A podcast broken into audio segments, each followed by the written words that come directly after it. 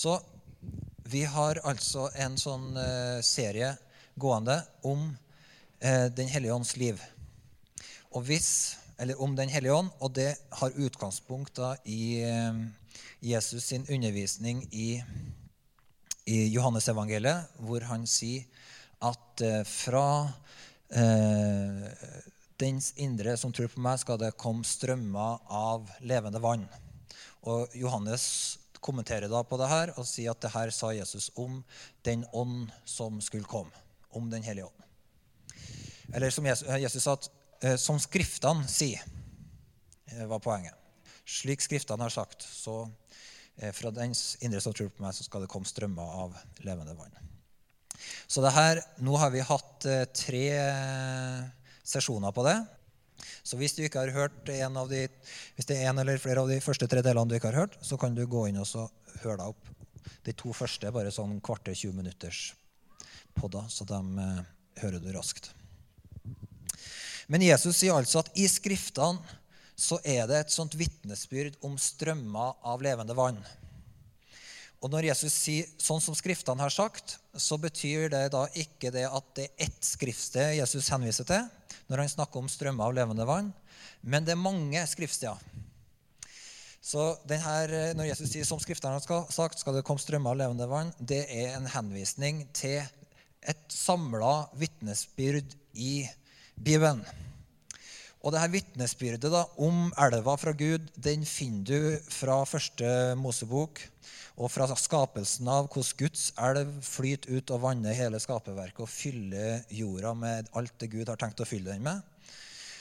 Og så går du gjennom hele eh, bibelhistorien og ser hvordan eh, Moses i ørkenen tar til fjellet, og det åpna seg, og det strømma vann ut. Og Paulus kommenterer på det som skjedde, og sier at klippen som fulgte dem i ørkenen, det var Kristus.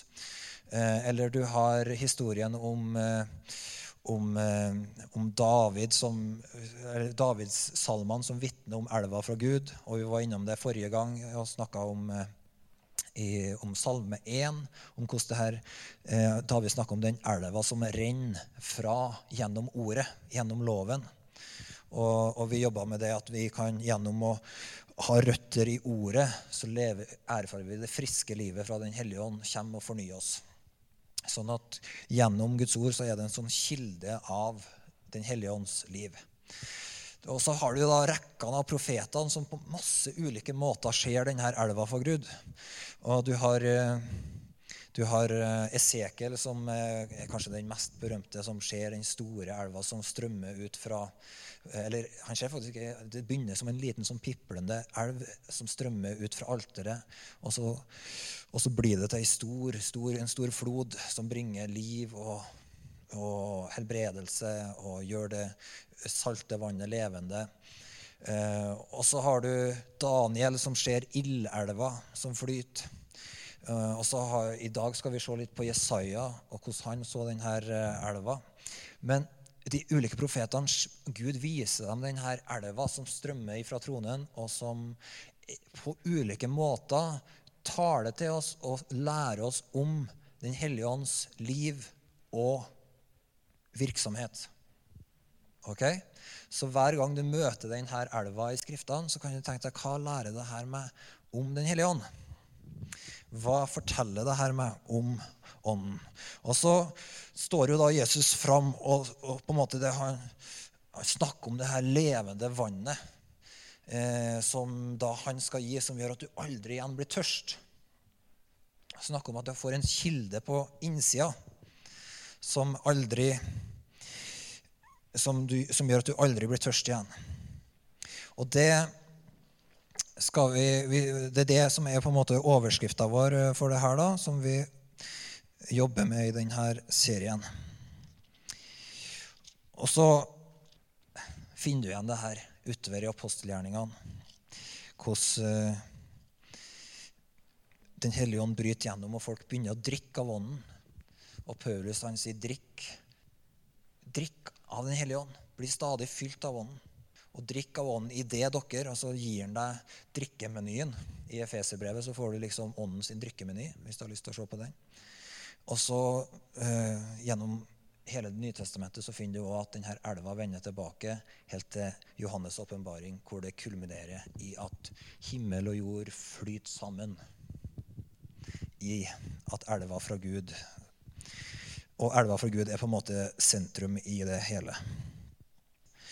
Så det som, som jeg har lyst til at vi skal se på i dag, det er at uh, den plassen Den hellige ånd har i det Gud gjør, er så sentral. Og Den hellige ånds verk Jeg tror Den hellige ånd er den mest undervurderte personen i hele verdenshistorien. Når Paulus legger fram eh, evangeliet i Galaterbrevet, så snakker han om at løftet som Abraham fikk, det var at vi skulle få Ånden. Når Peter snakker på pinsedag, kan vi antageligvis se litt på, så snakker han om at løftet Jesus hadde fått fra Faderen sin, det var at han skulle få utøse Ånden. Så på en måte hensikten med evangeliet er utøsing av ånd. Hensikten med evangeliet det, er, det stopper ikke ved vår frelse, men det er Gud som ønsker ved sin ånd å få fram noen ting. Han ønsker ved sin ånd å gjøre et verk. Så jeg har lyst til å bare lese, så vi har det helt ordrett her fra, fra Johannes 7. Så Du bare, trenger ikke å slå opp der, men du kan bare notere det. På den siste dagen i høytida, den store festdagen, sto Jesus fram og ropte:" Den som tørster, skal komme til meg og drikke. Den som tror på meg, fra hans indre skade, som Skriftene sier, renner elva av levende vann. Den som tror på meg, fra hans indre skade, som Skriftene sier, renner elva av levende vann. Dette sa han om ånden de som trodde på han, skulle få. Så i dag så skal vi ta utgangspunkt i et avsnitt i Jesaja kapittel 43. Så der kan dere slå opp. Så dere kan slå opp, og vi skal, vi skal lese sammen fra vers, eh, fra vers 18. Men jeg eh, kan bare la det liksom slå opp der, og så hold, hold fingeren. Så har du bokmerket. Men en av eh, de største utfordringene våre når vi leser kommer til, til Bibelen og, og leser den bibelske for, formidlinga av Guds plan, er at vi har med oss i bagasjen vår så har vi med oss en sånn eh, gresk eh, tenkning som gjør et veldig sterkt skille mellom eh, det, eh, det usynlige og det synlige. Og som gjør et veldig sterkt skille mellom kropp og sjel. Og der på en måte eh, Det er et verdensbilde der, som, som, har med seg en, som har delt opp mange av de tingene som hos Gud henger veldig nøye sammen. Fordi at eh, Bibelen har et veldig, veldig integrert forståelse av en del ting som vi har splitta veldig opp. Så så vi snakker av og til om sjelene sin frelse. Og Det uttrykket finner du i Bibelen, men det er mer sentralt i Bibelen at hele mennesket blir frelst. Fordi håp, det kristne håpet, det er kroppen sin oppstandelse. Er ikke det kult? Kroppen har evighetsperspektiv i seg. Ikke sånn i seg sjøl, men i Kristus så har den en evig framtid. Jeg tror på legemets oppstandelse det evige livet. Så vi, når vi snakker om det framtidshåpet for det å være kristen, så snakker vi liksom ikke om at sjelen vår skal frigjøres fra kroppen og være i en himmel uten kropper og høre på harpemusikk, liksom. Det, Bibelen er ikke der i hele tatt. Den snakker om at det kristne håpet er at kroppen Ved Jesu oppstandelse så skal kroppen bli levendegjort. Og så er det sånn at Ofte når vi snakker om det kristne håpet, så snakker vi om en himmel. Himmelhåpet. Men himmelhåpet i Bibelen er ikke først og fremst liksom et annet sted. Men himmelhåpet er at himmel og jord skal forenes i Kristus. Faktisk så sier Bibelen at himmelen og jord allerede har blitt sammenfatta i Kristus. Her, nå merker jeg at det begynner å, Når jeg leser sånne vers i Bibelen, så merker jeg at det begynner å utfordre meg. Ja, Betyr det at himmelen har kommet hit? Ja. Ja, Betyr det at det ikke skal komme mer himmel? Jo. Ja, Men betyr det at, at den jorda som jeg bor på, er en del av det her, eh, av det her framtidige håpet som vi bærer på? Ja.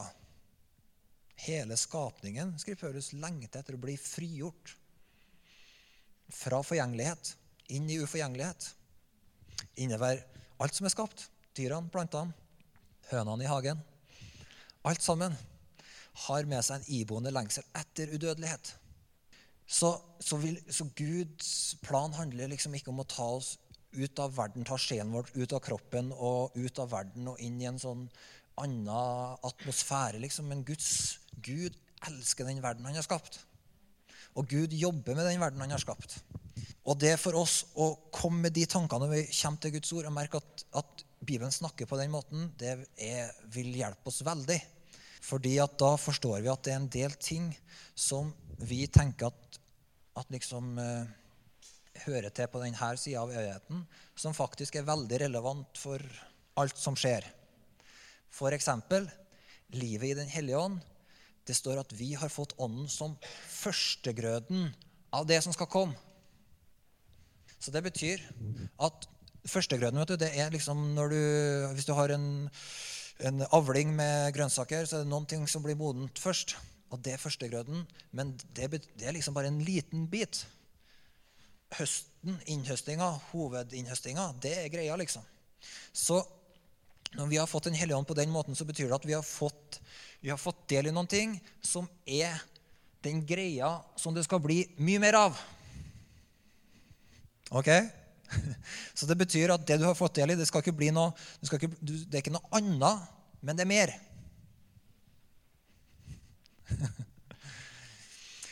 Nå holder jeg på å snakke inn i ting som Bibelen ikke er kjempe sånn, Forklarer veldig sånn enkelt. Så jeg tror ikke at jeg kan si så veldig mye mer om ja, men hva er, liksom, hva er forskjellen på tida nå og oppstandelsen. Jeg vet ikke. Det jeg vet, det er bare at Gud har skapt verden, og den verden som jeg kan ta og kjenne på, den har Gud en evig plan for. Gud har skapt kroppen min, og den kroppen som jeg skal stå opp med, den er akkurat like reell som den kroppen som Jesus kom opp med av grava. Og den spiste fisk og brød. Så det betyr at alt det du lærer på kjøkkenet i denne tida, vil du få bruk for i evigheten. Og Gud skaper personligheter. Han knytter folk sammen i vennskap. Så vi er sammen for alltid, folkens. Så hvis du har noe uoppgjort, ikke vent til evigheten. Få rydda opp nå.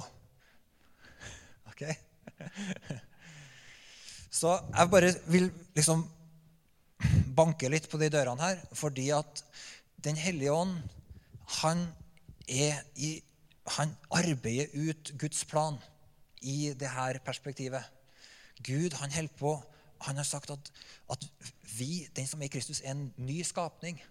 Men egentlig så står det at den som er i Kristus, han er i den nye skapningen. Så vi har, I Bibelens forståelse så er det snakk om to skapninger. Det er den gamle skaperverket og det nye skaperverket. Og den som er i Kristus, er i det nye skaperverket. Okay? Av og til når vi har undervist her, så har vi gjort det veldig sånn individuelt og sagt at jeg er en ny skapning. Og jeg trenger en ny identitet.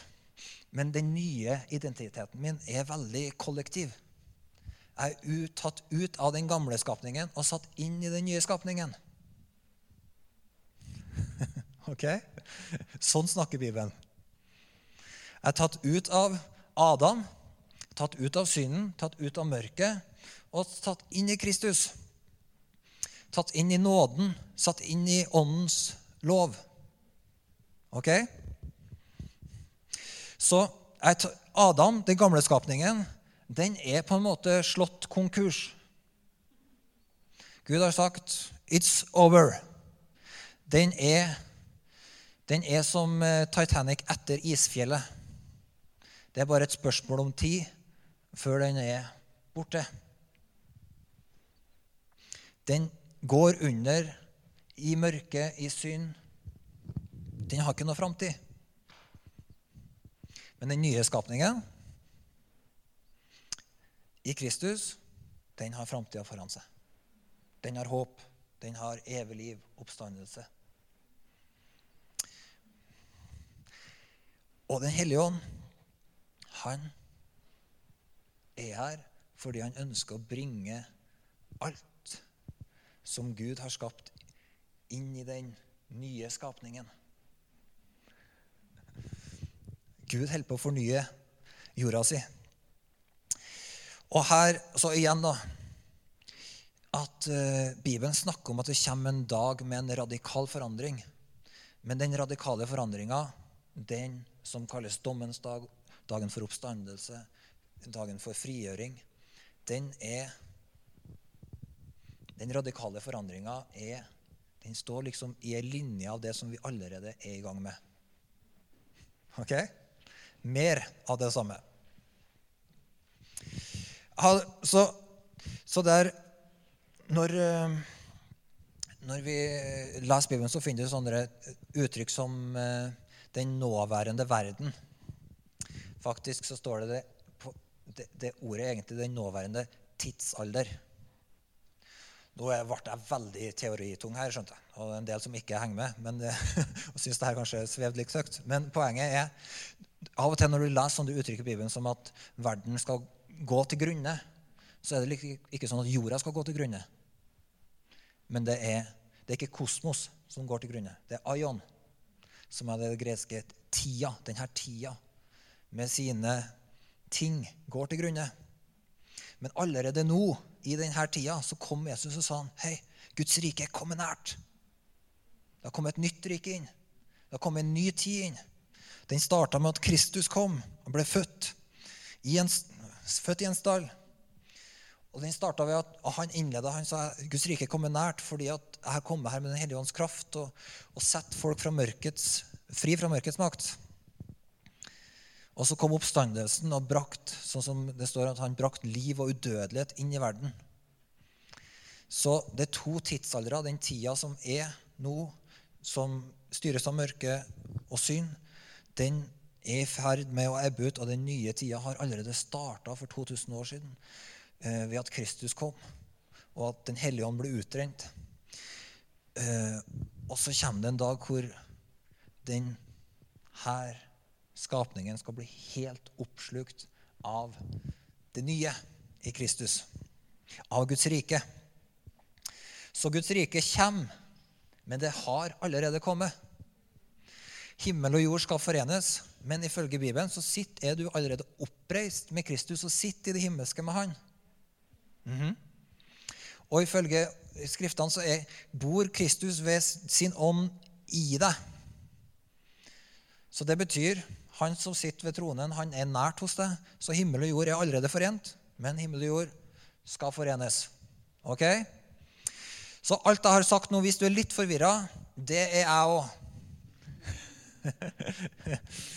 Men ønsket mitt med å dele akkurat de her inputen, det er bare at vi trenger å få liksom hodene våre til å samarbeide med Bibelen på dette området for å forstå at vi lever i sånne revolusjonerende dager hvor Gud ved sin ånd har åpna så mange muligheter og brakt inn forandring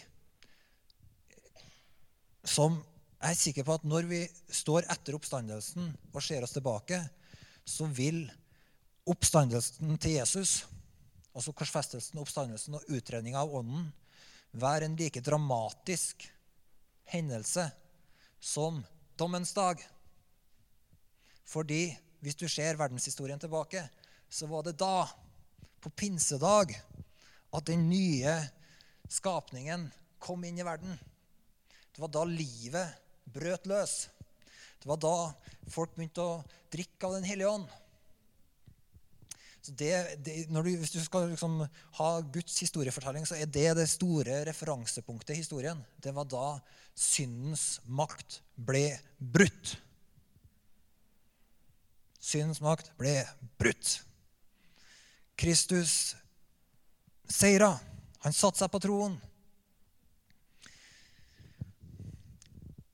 Meg gitt all makt i himmel og på jord. Jesus sitt kongedømme har ikke bare med himmelen å gjøre, det har med jorda å gjøre. Amen. Ok. Så når vi snakker om og forstår eh, Den hellige ånd sitt verk i verden i dag, så trenger vi å forstå at han er her fordi han er her for å, å bringe Guds liv, for å å, å, frigjøre den nye skapningen, for å bringe inn Guds rike, eh, for å bryte mørkets makt, det er satt inn i denne sammenhengen av Guds eh, store plan. Så Den hellige ånd han er, han er ikke en som er for spesielt interesserte, kristne med spesiell åndelig interesse, men Den hellige ånd er på jorda i dag den mest sentrale personen i alt som skjer. Hørte jeg et amen? Ok, Da kan vi gå til der du har plassert fingeren din, i Isaiah 43. Vers 18. Dere skal ikke minnes de første ting, ikke tenke på det som hendte før. Se, jeg gjør noe nytt. Nå spirer det fram. Merker dere det ikke? Ja, jeg legger vei i ørkenen, elver i ødemarken. Ville dyr skal ære meg, sjakaler og strutser. For jeg gir vann i ørkenen og elver i ødemarken så mitt utvalgte folk kan få drikke. Mitt folk som jeg har formet, skal forkynne min pris. Så når profeten her står fram og, og formidler den visjonen av, uh, av den forandringa det nye Gud gjør, det nye Gud skaper, så bruker han sånne bilder som ødemark, ville dyr og faktisk, hvis du studerer loven, så finner du at han, de ikke bare vil, de er òg urene. Eh, og så snakker han da om strømmer av vann. Og så snakker han da om at denne ødemarka, disse ville områdene, skal bli eh, fornya. De skal bli grønne. De skal bli liv. Det skal bli kilder. Det skal bli lovsang. Det skal bli til hans ære.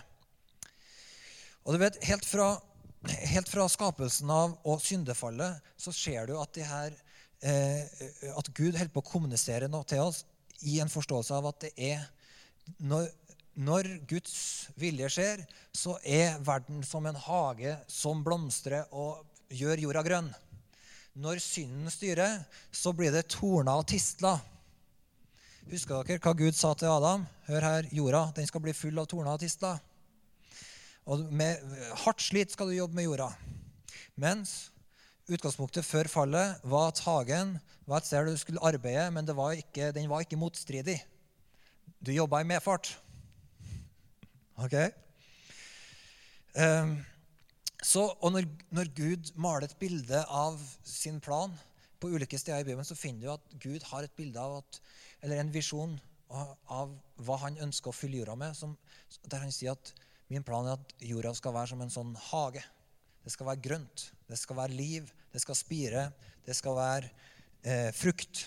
Så du finner Profetene de er stadig inn i disse bildene for å oss, hjelpe oss til å koble på i Guds plan. Der Guds rike kommer, der er det liv, grønt, forfriskning. Men der synd og mørke herjer, der er det ødemark, ville dyr Så jeg hadde en nydelig demonstrasjon av det her en periode utafor kontorvinduene på jobben min. fordi på andre sida av gata så var det et bygg med tre forskjellige eh, Jeg har kanskje nevnt denne historien før, men tre forskjellige leietakere. Og utafor det bygget så var det fire søppelkonteinere. Og i en periode så kom det kråka hele tida og satte seg der fordi at konteineren fløyt over. Og da tenkte, tenkte jeg det. Her, når du ser de her kråkene, de er her pga. at det bygget ikke er i fred med seg sjøl. Det er en konflikt der. en såkalt søppelkonflikt. Ingen ønsker å ta ansvar for å samle det her og løse denne konflikten, sånn at de blir enige om hvor mye skal vi betale for denne søpla, hvem skal ta ansvar for at det ikke flytter over. Det var et hus med en konflikt i, og pga. den konflikten fløyt søpla over, og kråkene kom. Ok? Sånn beskriver Bibelen frukta av fallet. Konflikten, synden, skaper ødemark og gir rom for de ville dyrene. Du leser om sånne ruiner der revene bor, eller sjakalene. Uh, og, og, så finner på ene måte så er det beskrivelse av, sånne, av de, de her sjakalene sånn som, som, trives i urinene. Og så på samme, i samme avsnittene så finner du at det er onde ånder som opererer så tenker du, ja, hva snakker du egentlig om? Her snakker du om liksom, en by som er nedrevet, der det bor liksom, dyr som du ikke vil skadedyr? liksom? Eller snakker du om Nei, nei, det er to sider av samme sak. Sånn er det i det indre mennesket. Sånn er det i en familie.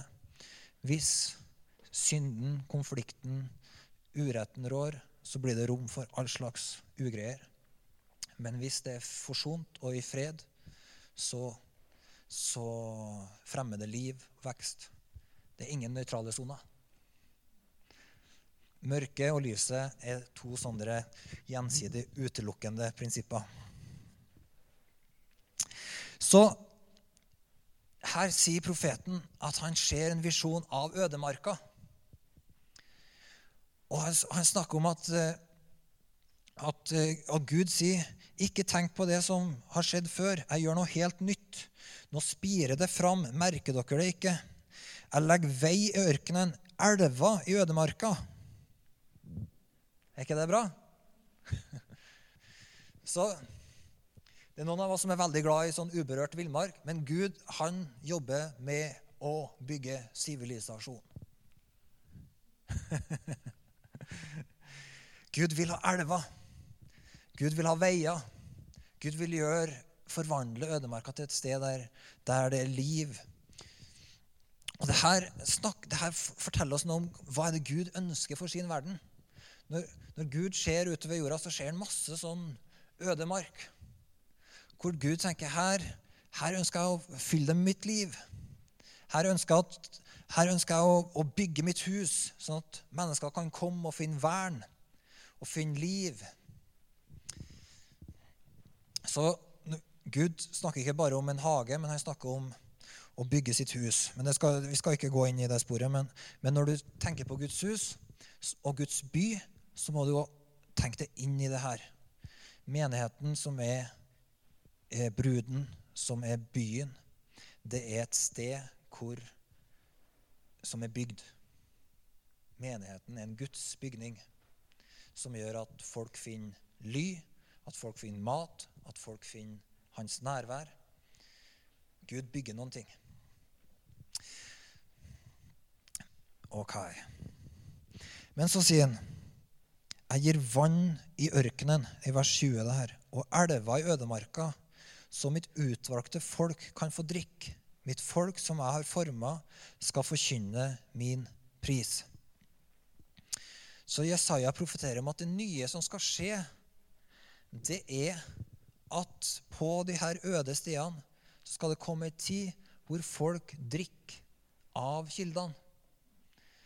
Og så sier han at frukta av det, det er at det blir et folk som, så som han sier, ville dyr skal ære meg. Og så snakker han om at folket som er forma, skal forkynne min pris. Så han sier ødemarka forvandles ved at, at elva treffer. At kilden kommer dit, og når folk begynner å drikke av det, så er frukta av det det er til pris, til ære, til lov for Guds navn. Så fra å være et område som er på en måte i synd og opprør og mørke, så kommer Guds elv, og så treffer det, og så begynner folk å drikke, og så bryter fram kilder av lovprisning, av takknemlighet, av, et, av liv som da blir til ære for Gud. Så hele innstillinga endres fra å være liksom utafor, Guds nærvær, så kommer elva inn, og så begynner folk å drikke av den, og så begynner retningen å si Hei, livet mitt handler om å bringe ære til deg. Og det her folket som bringer ære til Gud, er det folket som Gud bruker til å liksom plante denne hagen, formidle det her livet, eh, se at det tørre landet blir nytt.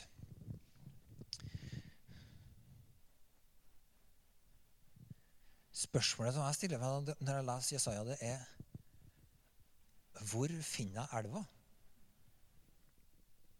Hvis jeg lever i en verden som er prega av ødemark, hvor finner jeg elva? Det spørsmålet opptok profetene. Gud, vi trenger elva di. Vi trenger elva med liv, vi trenger elva med helbredelse, vi trenger elva med fornying. Hvor fins den? Så når Jesus står fram og proklamerer Hør her, folkens. Jeg er kilden med det levende vannet. Kom til meg, så skal du få bli en kilde. Kom til meg, så skal du få en kilde på innsida som vel, veller fram til evig liv. Kom til meg, du som er tørst. Den som tørster, skal komme til meg og drikke. Den som tror på meg, fra hans indre skal det, som Skrifta sier, renne elver av levende vann.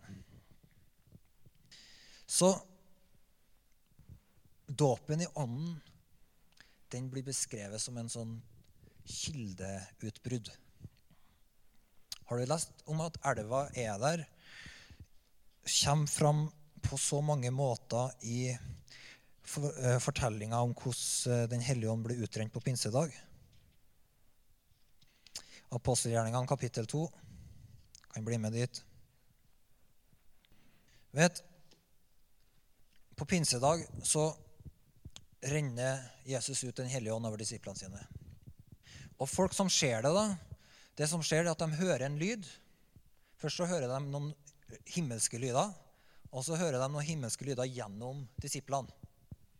Så disiplene begynte å tale i tunga, de begynte å lovprise Gud. Og folk stimla sammen fordi det her var annerledes. Det vekka oppsikt. Det stimla sammen masse mennesker på pinsedag. Og så var da første reaksjon til de som eh, var tilhørere, sa de folka her er full. Så det betyr de har drukket noen ting. Og så, så folk sa de her er påvirka. De her er under De her er rusa, på en måte. Og så står Peter fram og så sier han, nei, nei, folka, de, folkens, de er ikke full. Klokka er bare, er bare, klokka er bare tolv, liksom. Det var forklaringa. det var liksom ikke ja, Jeg skal ikke gå inn i det. Men, eh, og så sier han at eh, eh, de her folkene er ikke full sånn som dere tror. Det er jo bare den tredje timen på dagen. Så nå er vi i vers 16 i apostelgjerningene. Og så sier han, men her skjer det som er sagt gjennom profeten Joel. I de siste dager skal det skje, sier Gud, at jeg øser ut min ånd over alle mennesker. Når du øser ut noen ting, det er kildespråk. Ut, vi snakker om utrenning av ånd, utøsing av ånd, utgytelsen av ånd. Det var en kilde som ble åpna, og som begynte å flomme inn på jorda, og som brøt løs da, på innsida av disiplene. Så han sier, i de siste dager skal det skje, sier Gud, at jeg øser ut min ånd over alle mennesker. Deres sønner og døtre skal profetere, de unge skal se syn, og de gamle skal drømme drømmer. Selv over mine slaver og slavekvinner vil jeg i de dager øse ut min ånd, og de skal tale profetisk. Så, så Peter sier at denne utøsinga av ånden, ifølge Joel, så førte det til at folk så syner og talte profetisk. Så utøsinga av ånden var en kilde som brøt løs, og som førte til at profetiske kilder ble løst ut på innsida av disiplene. Og når du leser i, tidligere i kapitlet at de tar til tunga, og så står det at de som var fra ulike nasjoner til stede der, de hørte at de talte om Guds storverk på ulike språk. Husker dere Jesaja-profetien? Hva er det som skjer når vannet treffer ødemarka? Den begynner å forkynne hans pris. Mm -hmm. Så i dette avsnittet så, så, skjer det som profeten Jesaja hadde sett. Ødemarka. Det begynte å renne strømmer der. De begynte å forkynne Guds pris på masse forskjellige språk. Så når den første kilda av åndens liv brøt løs på pinsedag, så fant du at det var nye tunger som ble talt. Det var pris til, til Gud, og det var en profetisk eh, tale. Og så finner du da at eh, Peter forklarer det her. Så sier han, hei, folkens, det som dere hører og ser foran dere nå, så sier han i, i vers 32, så sier han, den her Jesus som dere skal feste, da, han har Gud reist opp. Det er vi alle vitner om. Han ble opphøyd til Guds høyre hånd og mottok fra sin far Den hellige ånd, som var lova oss, og den har han nå øst ut, slik dere ser og hører. Kult! Jesus dro, ble reist opp til tronen, og han fikk Den hellige ånd som var lova, og han har øst han ut, sånn som dere ser og hører. Så folkens, når det er en kilde fra Gud som bryter løs, så kan du både se den og høre den. Ok? Jeg har lyst til å ta dere med på et par andre steder hvor vi Nå har vi liksom sju minutter igjen på landet her, men eh, i apostelgjerningene kapittel 10 Bli med dit. Der står det mens Peter fremdeles talte, kom Den hellige ånd over alle som hørte ordet. De troende av jødisk ett Dette sa verset, kapittel 10, vers 44. ja, 45 nå. De troende av jødisk ett som var kommet dit sammen med Peter, ble forskrekket over at Den hellige ånds gave også ble øst ut over hedningene, for de hørte dem tale i tunger og lovprise Gud. Da sa Peter, disse har fått Den hellige ånd slik som vi. Kan noen da nekte dem vannet og hindre at de blir døpt? Så her taler Peter, og så kommer Den hellige ånd over de her folka. Og så begynner de å tale i tunga og lovprise Gud. Så, så, her finner vi det igjen. Det er noe som ble øst ut, og så var det en kilde som begynte å velle ut. Og måten denne kilden kom til uttrykk, det var gjennom det de sa. Ok? Så hele tida her nå, når denne kilden fra Gud kommer til syne, så merker du at den har et utløp. og det, det, er veldig viktig. Du må huske på at Hvis det er en kilde, så kan du stoppe den ved å stappe igjen eh, utløpet. Men hvis du skal la kildevannet renne, så må du la utløpet ha fritt rom. Da kommer det stadig mer kildevann. I kapittel 19 Bare la oss ta med det òg. Så her tar de i tunga og lovprist Gud. I kapittel 19 og vers 5 så står det etter å ha hørt dette lot de seg døpe til Herren Jesu navn. Og da Paulus la hendene på dem, kom Den hellige ånd over dem. De talte i tunger, og de talte profetisk. Det var omkring tolv menn i alt. Så her finner du igjen det samme. De ble fylt av Den hellige ånd. Og det skjedde når Paulus la hendene på dem. Og de talte i tunga, og de talte profetisk. Så denne kilden da, som bryter løs på innsida av mennesker, den har et utløp gjennom at det begynner å tales i tunga, det begynner å tales profetisk, det begynner å tales lovprisning. Og det, folkens, det er en sånn nøkkel for oss i det å se at Den hellige ånds liv vanner våre liv og vanner omgivelsene våre. Jesus sier den som kom, kom til meg, den som er tørst, og du skal få, få drikke.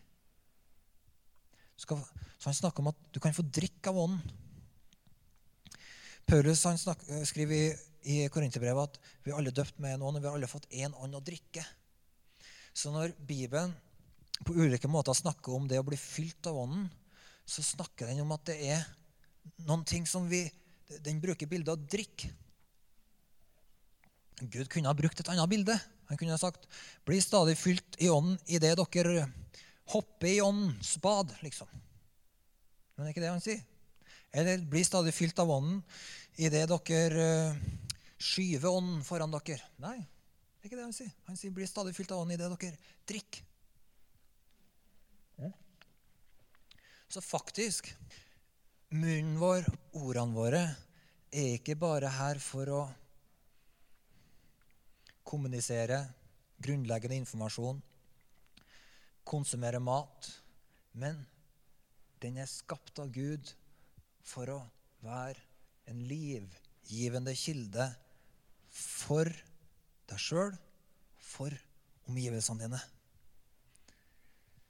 Vi er faktisk skapt med en munn for å drikke av åndens kilder.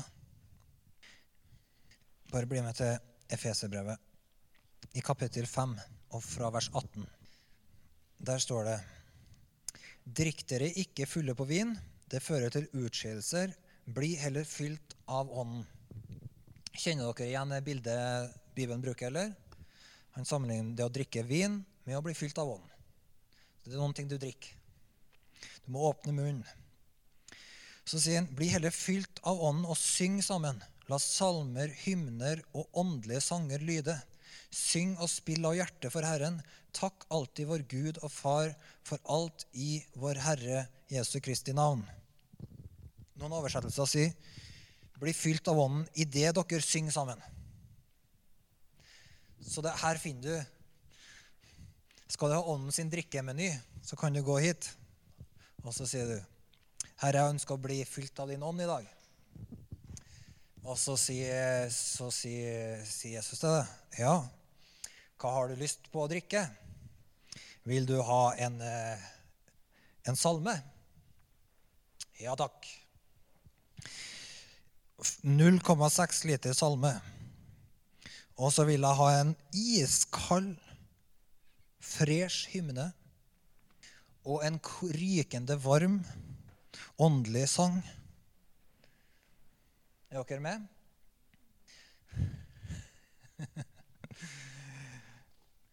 Dette er drikkemenyen. Eller tungetalen, eller lovprisninga, eller den profetiske talen. Men nøkkelen for det her kilden til å bryte løs er at vi forstår at, at Gud har gitt oss en kilde på innsida som gjør at vi stadig, hver dag, hver dag kan bli fornya.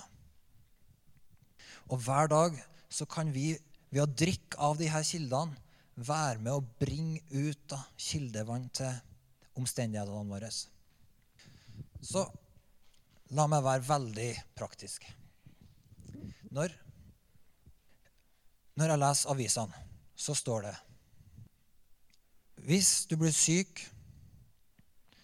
Eller hvis du, hvis du spiser sånn og sånn, så er det farlig. Du kan bli syk og dø. Eller det står Nå er det en fare i økonomien sånn og sånn. Du er utrygg. Eller det står Dette er en brannfelle. Pass deg for den. Vet du, de stemmene der, er ikke, de er ikke for meg. De nyhetene der er ikke ment for meg. Jeg lever ikke av det. Jeg lar det ikke fylle tankene mine, lar det ikke fylle hjertet mitt. Jeg lar det passere.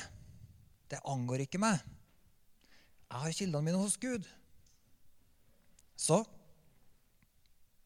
hver gang jeg leser en nyhet som oppmuntrer meg, så tenker jeg 'takk, Gud'. Men hvis jeg leser en nyhet som skremmer meg, så tenker jeg nei, nei, 'den der er ikke til meg'. Ok? Fordi mine kilder er ikke i ødemarka. Kildene mine er hos Herren. Jeg har en periode for en tid tilbake så var jeg veldig plaga med en vond rygg.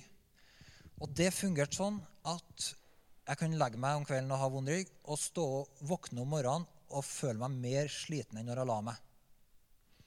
Og Da er systemet mitt sånn, siden jeg da er ånd, sjel og kropp, så er systemet mitt sånn skrudd sammen at det er ingenting på innsida av meg som vil stå opp. Jeg vil helst bare ligge i ro og trekke dyna over hodet og tenke 'stakkars deg som har så vondt i ryggen'. Men så har jeg funnet ut at jeg har en kilde hos Gud. Som betyr at når det på innsida av meg sier Håvard, denne dagen er ikke lagd for deg. Håvard, denne dagen den eh, kommer bare til å bli vond. Håvard, denne dagen blir bare trasig. Så vet jeg at nei, det er ikke min kilde. Og så kan jeg begynne å si til Herren Far, jeg vet ikke hva jeg skal be om, jeg vet ikke hva jeg skal si, men forny meg. Og så OK, jeg har Bibelen på nattbordet. Jeg har en plan. Jeg vet hvor jeg skal hen. Fiske den fram. Inn i det første kapittelet som jeg vet ok, nå er jeg i Jesaja. og Hvis jeg skulle ha slått opp nå, så måtte jeg ha slått opp i Jesaja kapittel 8. Dit har jeg kommet i bibellesninga mi. Ok, fram med Jesaja 8. Herre, gi meg mat for sjelen. Og mens jeg leser Far, jeg trenger å drikke av kildene dine. Og så sier jeg takk, Gud. Takk, Gud, for Jonas. Takk for Adele. Takk for Noah. Ah, takk for Katrine. Halleluja. Åh, Jesus, takk for menighetsfamilien. Herre, far, takk for at du har gjort meg til den mest privilegerte personen i verden, som er født i denne nasjonen, og som er født på ny. Takk at framtida mi er di. Takk, Jesus, for at du har en god plan for denne dagen. Og så finner du noe i det her Jesaja-avsnittet som du tenker Hei, jeg har sannelig en grunn til å stå opp i dag. Kilder på innsida er en sånn veldig reell ting i livet, folkens. Der vi sjøl har fått en kilde som Jesus sier at du trenger ikke gå rundt og være tørst. Du kan bare drikke. Og det å, å lære seg til også, også, og så mens jeg ligger der og så OK, Jesus. Jesus, det evige navn. Og så begynner du å spille en melodi i hjertet ditt. Så tenker at Denne melodien, denne tonen, den styrer dagen min. Ikke sant? Er dere med? De her kildene. Og det gjør at når du da det her kildelivet som du har lært deg til å leve med i ditt eget liv, det bringer da med seg Guds fred, Guds liv, tro, helbredelse, framtid, håp inn i så mange situasjoner. Og Hvis du blir litt trent til å høre på de ulike kildene, så merker du at hvis du for henger på sidelinja på en fotballkamp, så er det første som kommer opp i samtalen, det er liksom et eller annet som gikk galt. Ja, det er noe så trasig nå, det med Donald Trump syk, liksom. Kan, du trodde at verden ikke kunne bli verre, så ble det med han dårlig. Så tenker jeg, nei, nei, ikke, Det der er ikke mine kilder. Så står du i det her fotballpraten på, med liksom en pappa på sidelinja, og det liksom Nei, det er noe gikta, det er liksom eh, Ja, det er noen tre vinduer som må byttes, og nei, det er strev og strev. Så tenker du jeg orker ikke å være med på det her er ikke min samtale. Så la med noe sånt, ikke bare noe sånt. Ah, de er nå bra fine, de her guttene våre. Hæ? Som springer ut på matta her. Herlighet. Enn at vi har friske unger. Se på det her. Jeg skal si Han har blitt ganske mye kjappere i vendinga, han gutten din òg. To forskjellige kilder.